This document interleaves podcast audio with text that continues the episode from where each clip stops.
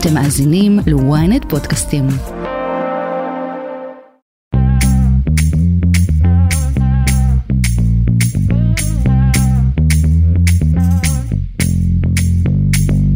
שלום לכם, אתם אה, שוב איתנו על כסף חדש, הפודקאסט הכלכלי היומי של ynet. אה, היום יש לנו פרק קצת שונה, כי בדרך כלל אנחנו מדברים על כמה נושאים כלכליים, בעיקר מהיום שהיה.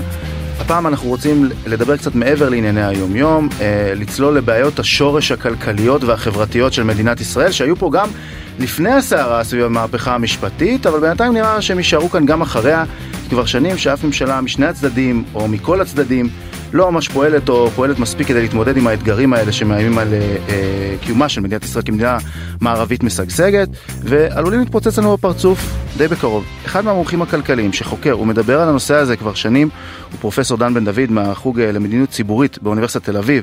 הוא משמש גם כמנכ"ל מוסד שורש למחקר כלכלי חברתי והוא נמצא איתי כאן היום. שלום לך פרופסור בן דוד. שלום וברכה. אהלן.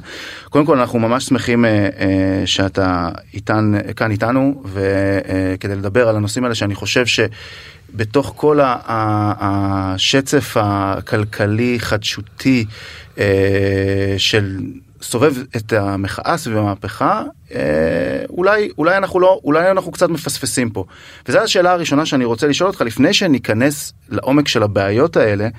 ואני אבקש תשובה קצרה. אתה חושב שהמחאה שקיימת היום ברחובות עם ההנהלה והכיוון שבו היא מתנהלת, היא יכולה להביא שינוי בפתרון הבעיות האלה? האם היא בכלל בכיוון? האמת היא שאני חושב ש, שזו התקווה אולי האחרונה שיש לישראל, כלומר התקווה הגדולה ו, ואולי גם האחרונה. אני אה, כבר אה, כמעט רבע מאה, מאה מסוף שנות התשעים מדבר על בעיות הארוכות טווח. הם הובילו למעשה למצב הנוכחי, אם כי הוא הוקדם במידה מסוימת בגלל אה, נאשם בשחיתות שלא מצא פרטנרים אחרים, אבל uh, הפרטנרים שיש לו כרגע, uh, יהיו להם רוב יום אחד. אז התהליכים שאנחנו uh, כבר רואים עשרות שנים, uh, מבצבצים בממשלה הנוכחית, והמחאה הזו הוציאו אנשים, הוציאה אנשים מהאזור הנוחות בצורה שאף פעם בחיים שלי לא ראיתי בישראל. זו ההזדמנות שלנו, אבל אנחנו צריכים גם להבין מה עושים ביום שאחרי בשביל uh, שבאמת נוכל לתקן את הבעיות ארוכות הטווח, כי אחרת אנחנו חוזרים לכל זה בעוד 20-30 שנה. בהחלט, אז אוקיי, אז עכשיו אני רוצה באמת שננסה קודם כל להבין מהם הבעיות המרכזיות שמונחות לפנינו. אני יודע שהסברת אותם כבר, אני חושב, אתה אמרת רבע מאה, עשרות פעמים, אבל אני חושב שזה כן חשוב באמת לעשות איזשהו סדר בדברים כמו שאתה רואה אותם. ישראל אה, עד אה, שנות ה-70 הלכה והתקרבה בצעדי ענק למדינות המובילות. אה, הסיבה היא עדיפויות לאומיות. בנינו אוניברסיטאות מחקר, בנינו בתי חולים, בנינו אותם בצורה כזו שלמרות שהאוכלוסייה כאן גדלה בצורה אקספוננציאלית, מספר המיטות לנפש נשאר קבוע עד 77. מספר אנשי, אנשי, אנשי הסגל האקדמי באוניברסיטאות גדל בצורה כזו שכמעט הגענו לרמות אמריקאיות באמצע שנות ה-70. אה, בכבישים, אה, מספר כלי הרכב לקילומטר כביש, הגענו לשוויון מלא עם המדינות הקטנות באירופה. עשינו צעדי ענק להתקרב לעולם הראשון, אז באה מלחמת יום הכיפורים והפכה פה את הקערה. אחרי המלחמה לא התאוששנו. ומה שחמור מזה, שינינו מקצה לקצה את העדיפויות הלאומיות של מדינת ישראל. מספר אנשי הסגל האקדמיים אה, באוניברסיטאות המחקר שעלה בצורה אקספוננציאלית, ירד מאז ב-60 אחוז. אה, אנחנו מסתכלים על אה, מספר מיטות בתי חולים פר קפיטה בנפילה חופשית מ-77, היום בתי החולים בישראל הם מהצפופים במערב, אנשים פה חוטפים מחלות. אה, ומתים מהם בסדרי גודל שלא מוכרים בכלל במערב. הצפיפות על הכבישים, אנחנו, אם הגענו לשוויון מלא עם המדינות הקטנות uh, באירופה, אנחנו היום עם סדר גודל של, של פי שלושה צפיפות, למרות שאין הרבה כלי רכב בישראל, 40 אחוז פחות כלי רכב לנפש, כי זה נורא יקר, פשוט לא נבנו כאן החלופות. התירוץ המרכזי, אני לא אכנס לכל הבעיות, זהו, אבל כן, התירוץ הש... המרכזי... השאלה מה הגורמים לבעיות האלה, אתה יודע, אה, אה, איפה אנחנו יכולים, איך אפשר בכלל לשפר, מה צריך לטפל בו קודם ואיך? אז, אז קודם כל, אה, בוא, בוא נוריד מהשולחן אה, את הסיבה המרכזית שלא הייתה. התירוץ המרכזי זה הוצאות הביטחון, אנחנו מוצאים כל כך הרבה על ביטחון, לא נשאר מספיק בשביל כל השאר.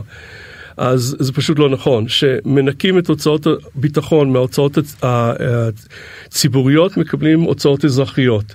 שמשווים אותנו יחסית לתמ"ג, להוצאות האזרחיות ב-OECD, מאמצע שנות ה-60 עד לפני כעשור וחצי, היינו מעל, אפילו הרבה מעל בתקופות שהייתה התפנית.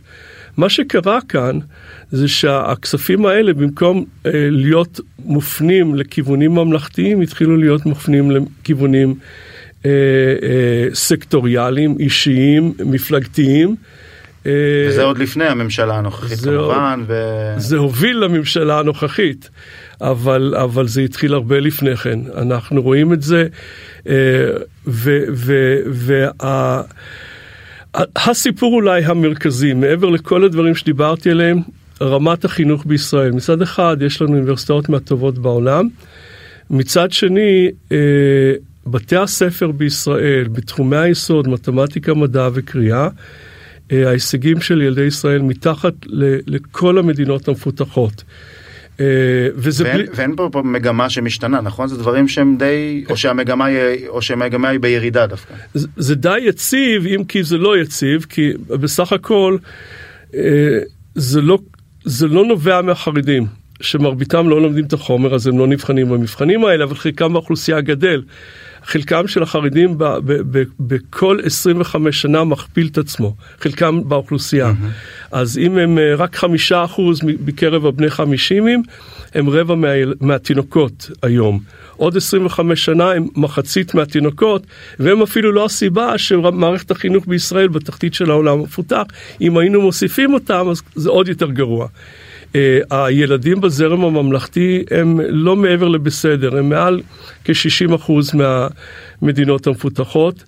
במערכת הממלכתית-דתית אה, אה, הרמה היא מתחת ל-80% מהמדינות המפותחות, למרות שהילדים האלה מקבלים יותר אה, כסף מכל אחד אחר פר ילד, פר תלמיד, והילדים הערבים בישראל, לא רק שהם לא שייכים לעולם הראשון, הם מתחת להרבה מדינות עולם שלישי, אם משווים אותם רק למדינות המוסלמיות שהשתתפו במבחן הפיזה האחרון. היו עשר מדינות מוסלמיות, הילדים שלנו, הישראלים הערבים, מתחת לתשע מעשר המדינות המוסלמיות. כך שאנחנו מדברים על מערכת החינוך הגרועה בעולם המפותח, שלא מכינה את הילדים שלנו לעתיד, היא בעצם מחבלת בכל היכולת שלנו להתחרות עם אותן מדינות אה, בהמשך, ולכן אנחנו גם מקבלים משק שהוא מאוד דו-קוטבי. Mm-hmm. יש חלק מאוד מאוד קטן, מאוד מאוד מאוד מצומצם, עם פריון עבודה גבוה, וכל השאר כאילו שייך ל- ל- לעולם אחר בכלל. עכשיו, עכשיו, הסיבה שמערכת החינוך, אתה יודע, מדברים עכשיו על הסכם המורים לפני uh, שנה, יש עכשיו שר חינוך שהתפיסה שלו, אני חושב, היא uh, לתת איזושהי עצמאות לבתי הספר יותר, זה דברים שיכולים לשנות, או שזה הכל uh, מלמעלה? הבא, יש כאן בעצם במערכת החינוך אפשר להצביע בגדול על, על, על, על שלוש בעיות מרכזיות. אחת תוכן. אה, בואו נתחיל לדבר פה על, על, על תוכן, אה, מה לומדים הילדים. הציפ... קודם כל לא הגדרנו ליבת לימודים בצורה מסודרת. כך שאנחנו באים בטענות לחרדים שהם לא מלמדים ליבה, אנחנו לא הגדרנו גם לעצמנו, לאף אחד. ברור שצריכים לשדרג את הרמה בצורה מאוד מאוד משמעותית, לתת ארגז כלים שיאפשר לילדים האלה לעבוד במשק מודרני, וגם להבין אה, איך אה, פועלת אה, אה, דמוקרטיה ליברלית. שני דברים שחייבים להיות בארגז כלים של כל דמוקרטיה שרוצה להגן על עצמה בעתיד, שהילדים האלה יש להם יכולת הצבעה. אז קודם כל לשנות, לתקן, לשדרג מאוד את הליבה. ולהפוך אותה לאחידה לכל הילדים בישראל. שזה משהו שהוא בהחלט משהו שבלי שום קשר לכסף אפילו ותקציבים אפשר לעשות אותו בלי שום קשר. זה לא, זה לא סיפור של כסף, אפילו חוסך כסף, כי במקום שיהיו לך ארבע מערכות חינוך שונות, אה, יש לך אחת, אה, הכללים ברורים, הבדיקה היא, היא אותה בדיקה לכולם.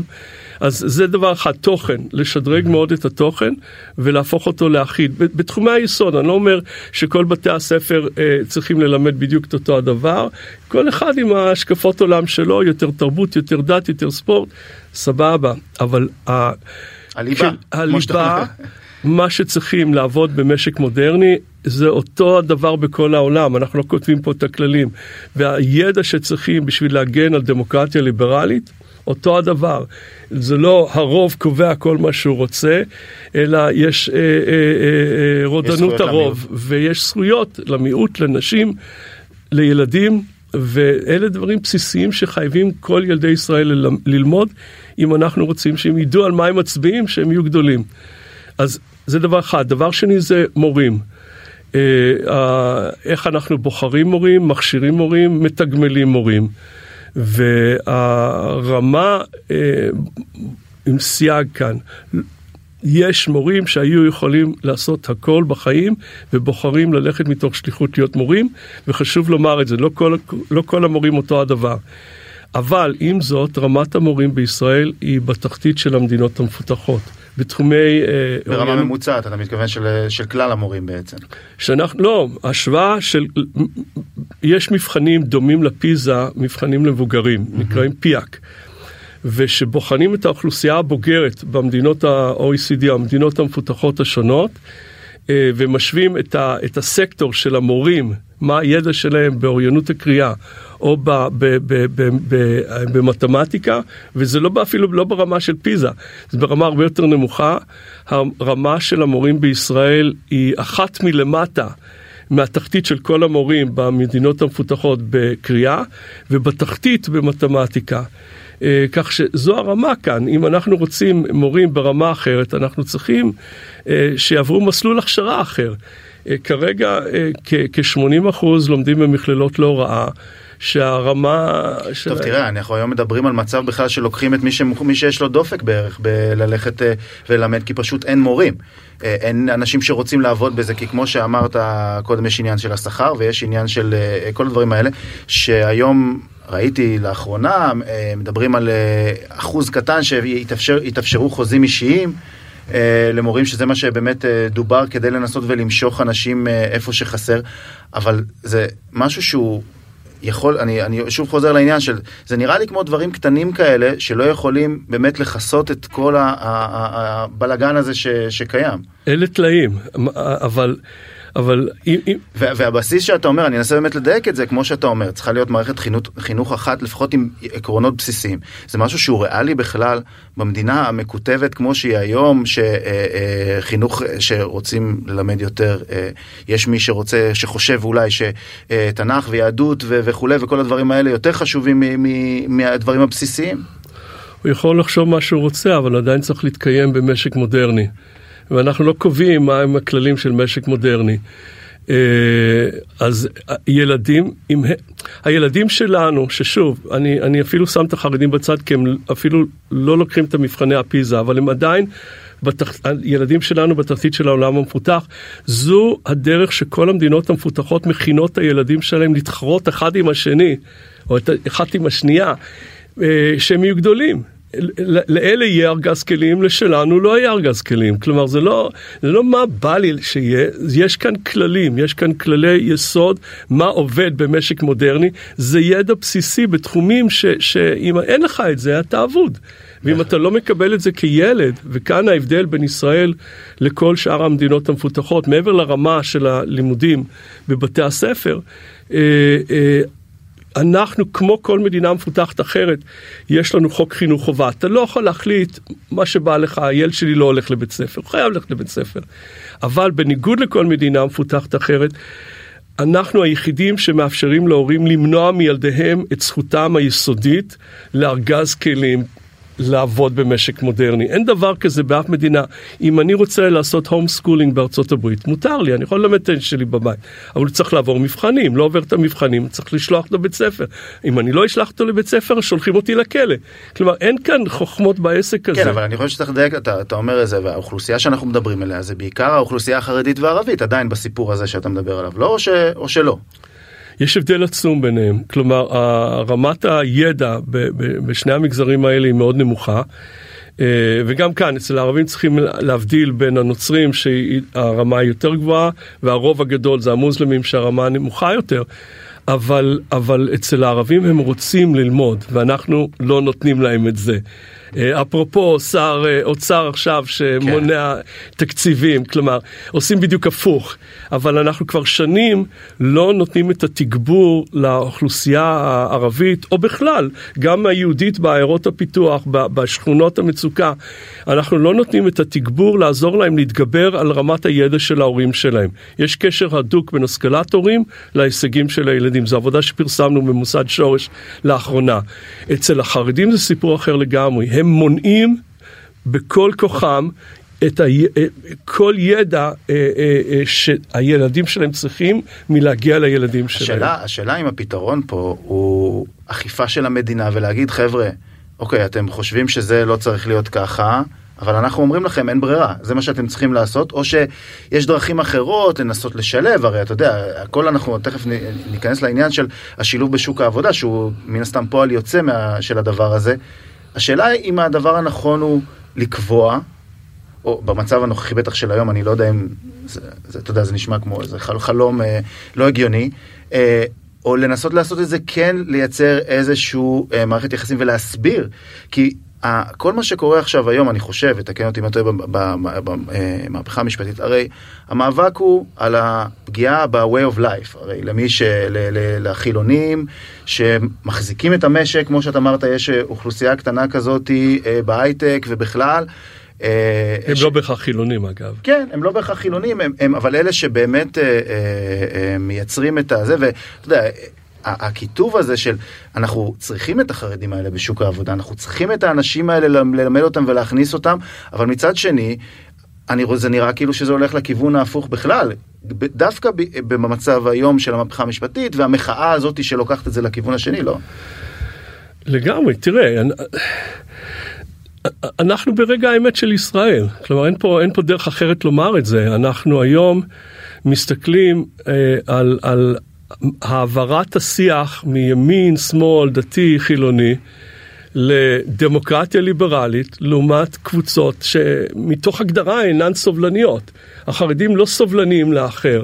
המפלגות הגזעניות, המשיחיות, הם לא סובלניים לאחר. כלומר, אין כאן יכולת לעשות הסכם עם קבוצות כאלה. כי ברגע שאתה עושה הסכם, הם לא סובלניים, זה הרי מתוך הגדרה. הם רוצים יותר, הם ידחפו יותר, ילחצו יותר. הדרך היחידה היא צד אחד חייב לנצח פה את העסק הזה, ואם זה לא יהיה הצד הליברלי הדמוקרטי, אנחנו איבדנו את המדינה. כלומר, אין פה חוכמות. מחצית מהילדים היום מקבלים השכלה של עולם שלישי, הם שייכים לחלקי האוכלוסייה שגדלים הכי מהר. אז, שהם, אני, אחזור, אז אני אחזור עכשיו לשאלה יגדלו, הראשונה. שהם כן. יגדלו, הם לא יוכלו להחזיק משק של עולם ראשון, רק משק עולם שלישי, בלי זה אין לך מערכת בריאות של עולם ראשון, מערכת רווחה שלו, אבל גם לא צבא של עולם ראשון. לא נוכל להגן על עצמנו. אז אני אחזור רגע לשאלה ששאלתי בהתחלה. אתה חושב שמה שנעשה היום במחאה, כמו שאתה אומר, זה רגע האמת של ישראל, הוא חושב באמת על היום שאחרי, על איך אנחנו, אחר כך, אנחנו, מישהו ננצח, נניח הצד הליברלי מנצח, עדיין יישארו פה, כמו שתמיד אומרים על הפלסטינים, יש פה, קיימים, הם לא, הם לא הולכים לשום מקום. אה, גם שאר אה, אה, מי שנמצא היום וחושב אחרת, יהיה כאן. השאלה אם נניח מי, אתה אומר צד ינצח, אז האם אפשר להכניס את הצד השני ביחד? יש כאן בעיה, כי הדבר הזה שאנחנו קוראים חינוך הוא לא אותו דבר בכל המקומות.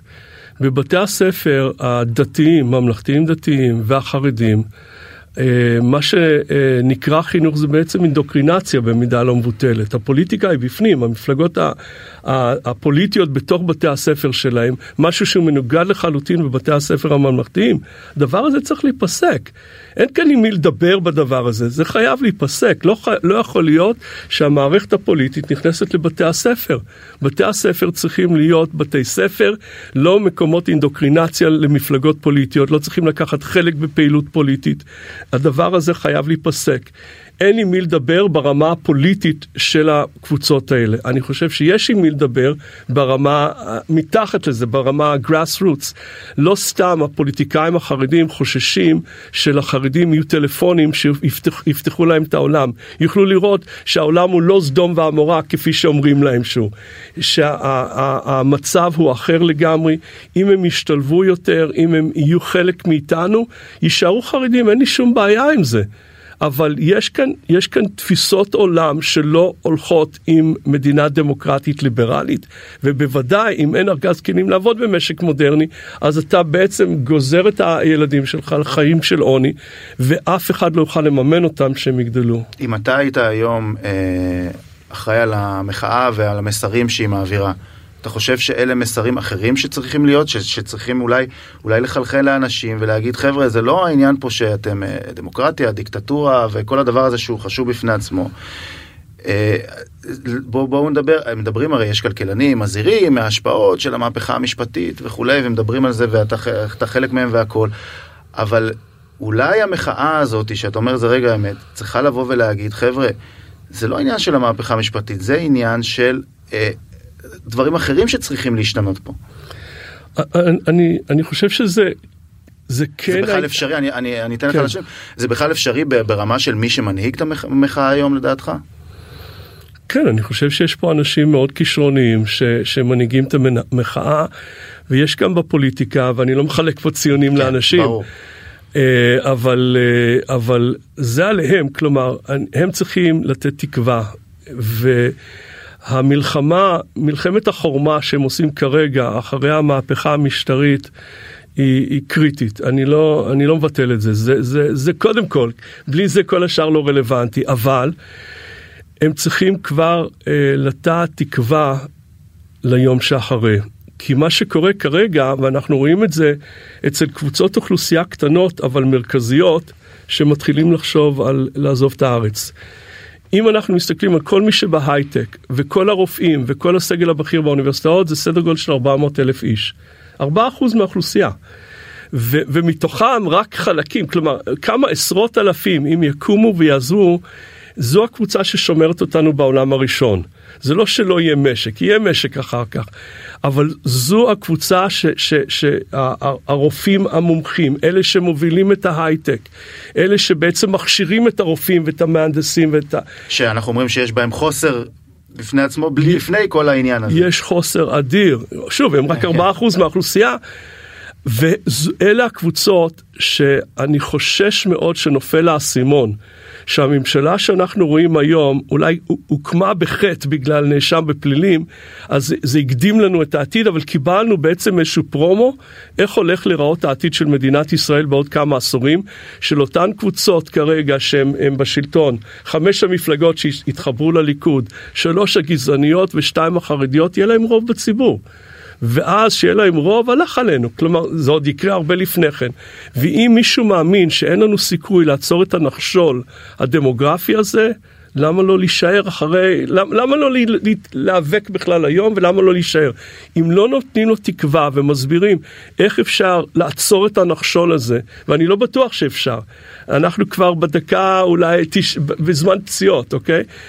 אם אנחנו נוכל להסביר איך עושים את זה ולנסות לרתום את האנשים האלה ועוד אחרים על הדברים המרכזיים שצריכים לעשות, אולי נוכל למנוע מחלק מהם לעזוב, כי אחרת אנחנו נגיע ליום שאחרי, שאני מקווה שהוא קרוב, ואנחנו נסתכל ימינה ושמאלה, והחבר'ה שאנחנו צריכים לשמור אותנו בעולם הראשון כבר עזבו. בהחלט. ואין דרך חזרה. אני, אני רוצה לשאול אותך, ואנחנו באמת מתקרבים לסיום, ואני רוצה, אה, נגעת בצד הפוליטי ובבנימין נתניהו. בסוף השבוע, האמת, אה, בדיוק אה, אה, התפרסמה אה, אה, כתבה, פרק במדור אוצר מעבר של גד ליאור שלנו אה, אה, בוויינט, שעסקה בתקופת נתניהו כשר אוצר בתחילת אה, שנות האלפיים. עכשיו אתה... נפגשת איתו, אני בטוח, במהלך השנים לא מעט, הצגת לו את הבעיות האלה. הייתה, היה פעם קשב לסיפור הזה? מצד מצידו של נתניהו? כן, זה הסיפור העצוב ביותר בכל זה. אני לא חושב שקיים מישהו בכנסת ישראל שמבין טוב יותר את החורבן שהוא הולך להשאיר לנו מנתניהו. הוא מבין את זה בכל הכיוונים, כלומר, זה לא רק בתחום הכלכלי, הוא היה שולף uh, בשיחות ספרים אקדמיים על צמיחה כלכלית, זה התחום שלי. Uh, אז אמנם שוויץ, אבל בסדר, הוא, אבל רואים שהוא קרא את הדברים האלה, הוא מבין. אה, בצד הביטחוני תשמע את, אה, את פרדו, את האחרים מהמוסד או שב"כ שהיו איתו שנים, הבן אדם מבין, הוא היה זהיר. מה שיש לנו היום זה מישהו שדואג רק לאורו, לא אכפת לו שתיחרב פה המדינה, שיחרב פה הכל, אולי הוא חי באיזשהו סרט שקודם כל הוא ימנע מעצמו את הבעיה של הכלא, אולי יחריב את מערכת המשפט על הדרך ואחר כך יש לו את הכוח לשנות בחזרה, זה לא יקרה. זה לא יקרה, הבן אדם הזה פשוט איבד אותה, בעיניי, הוא, הוא, יש כאן בעיה מאוד רצינית. ביבי שורף את העתיד לילדים שלנו, אין, אין לי דרך אחרת להגיד, והוא עושה את זה בעיניים פקוחות. הוא מבין את המשמעות של מה שהוא עושה, ועדיין הולך על זה בכל הכוח, וזה לא יתואר ואני לא מבין את זה, אין, אין דרך אחרת לומר את זה. אני אשאל אותך אז אה, אה, דבר נוסף בעניין הזה. אתה התמודדת פעם במפלגת קדימה, נכון? כן. אה, ניסית, ניסית להיכנס, לא כל כך צלח. אתה חושב עוד שאפשר דרך הפוליטיקה עוד לשנות, לנסות לשנות את הדברים? אולי זאת הדרך? תראה, בסופו של דבר, רק בצורה חוקית בכנסת אפשר לשנות את, ה, את, ה, את הדברים. אז רק אנשים רציניים בפנים. אה, שבעצם שמים את טובת המדינה מעל הכל. אה, אה, זה, זה מצרך שהופך להיות יותר ויותר נדיר בכל העולם הערבי אגב, בעשור האחרון. אבל, אבל במקום, אנחנו צריכים אנשים מאוד מאוד רציניים בפנים, אם אתה מדבר עליי, לא אני, אני את שלי ניסיתי פעם, חשבתי שאני יכול להשפיע מבחוץ. עד גבול מסוים והרבה יותר מבפנים, זה עבר לי. אני אה, לא במקום הזה, אבל אני חושב שבהחלט יש מספיק אנשים מאוד מאוד רציניים, מאוד מוכשרים, ואנחנו צריכים אותם בפנים. זו תקופה בן גוריונית, אנחנו צריכים אנשים כאלה בפנים שישימו את המדינה על מסלול אחר לגמרי, שיטפלו במערכת החינוך, שיטפלו במערכת התמיכות של ישראל, שהפכו אותה לשקופה, ושנפסיק להזרים כסף לכל מיני דברים שלא מועילים לשום דבר אה, מלבד סקטור או, או בני אדם, אלא לכיוונים ממלכתיים, ונראה אחרת. אתה חושב על הכיוון השני כמו אחרים, לעזוב? בעצמך? אני כאן, אני לא... אני כאן, אין לי שום כוונות ללכת לשום מקום. אה, אבל אה, אם יחריבו לי את המדינה ואני רואה שאין סיכוי לעתיד, אני לא בן אדם שמתאבד. אה, אבל אני לא מרגיש שאנחנו שם. אני חושב שאנחנו ננצח את הקרב הנוכחי, ואני מקווה שגם ניטע את התקווה בשביל לנצח את המלחמה כולה. כי זו מלחמה על הבית.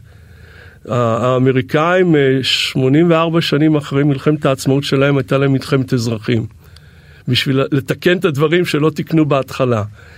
אה, אנחנו, אני בטוח שלא נלך אה, לכיוון של מלחמת אזרחים, אבל אנחנו במקום הזה עכשיו, 75 שנה אחרי העצמאות שלנו, שצריכים לתקן דברים שלא תוקנו בהתחלה. ליישר פה קו ו, ובמקום להתרחק מהמדינות המובילות, להתקרב אליהן שוב. פרופסור דן בן דוד, אה, אני רוצה להגיד לך תודה על השיחה הזאת, אני יודע, יש עוד הרבה מה להגיד ועוד הרבה מה לעשות בטוח, אבל uh, אנחנו כנראה לא uh, נפתור את הכל עכשיו ונקווה שאני, שחלק מזה כן ייפתר uh, uh, בקרוב uh, uh, לטובת כולנו. פרופסור דן בן דוד, חוג למדיניות ציבורית באוניברסיטת תל אביב, מנכ"ל מוסד שורש למחקר כלכלי חברתי. תודה, המון תודה על השיחה הזאת. תודה רבה. טוב. אז uh, הפרק המיוחד הזה של uh, כסף חדש להיום uh, הסתיים. Uh, אנחנו מזכירים לכם שאתם מוזמנים לעקוב אחרינו תמיד uh, בדף הבית uh, של ynet וגם בכל אפליקציות הפודקאסטים המובילות. פשוט לכתוב כסף חדש בשורת החיפוש, כדאי גם ללחוץ עוקב, כך תקבלו התראה על כל תוכנית חדשה שעולה. Uh, תודה לשקד אילת על העריכה, ונדב ברכה על הביצוע הטכני, אני צחי שדה. Uh, מחר נחזור אליכם עם החדשות הכלכליות המעניינות ועוד המון דברים שמשפיעים על הכיס של כולנו. עד אז המון כסף חדש.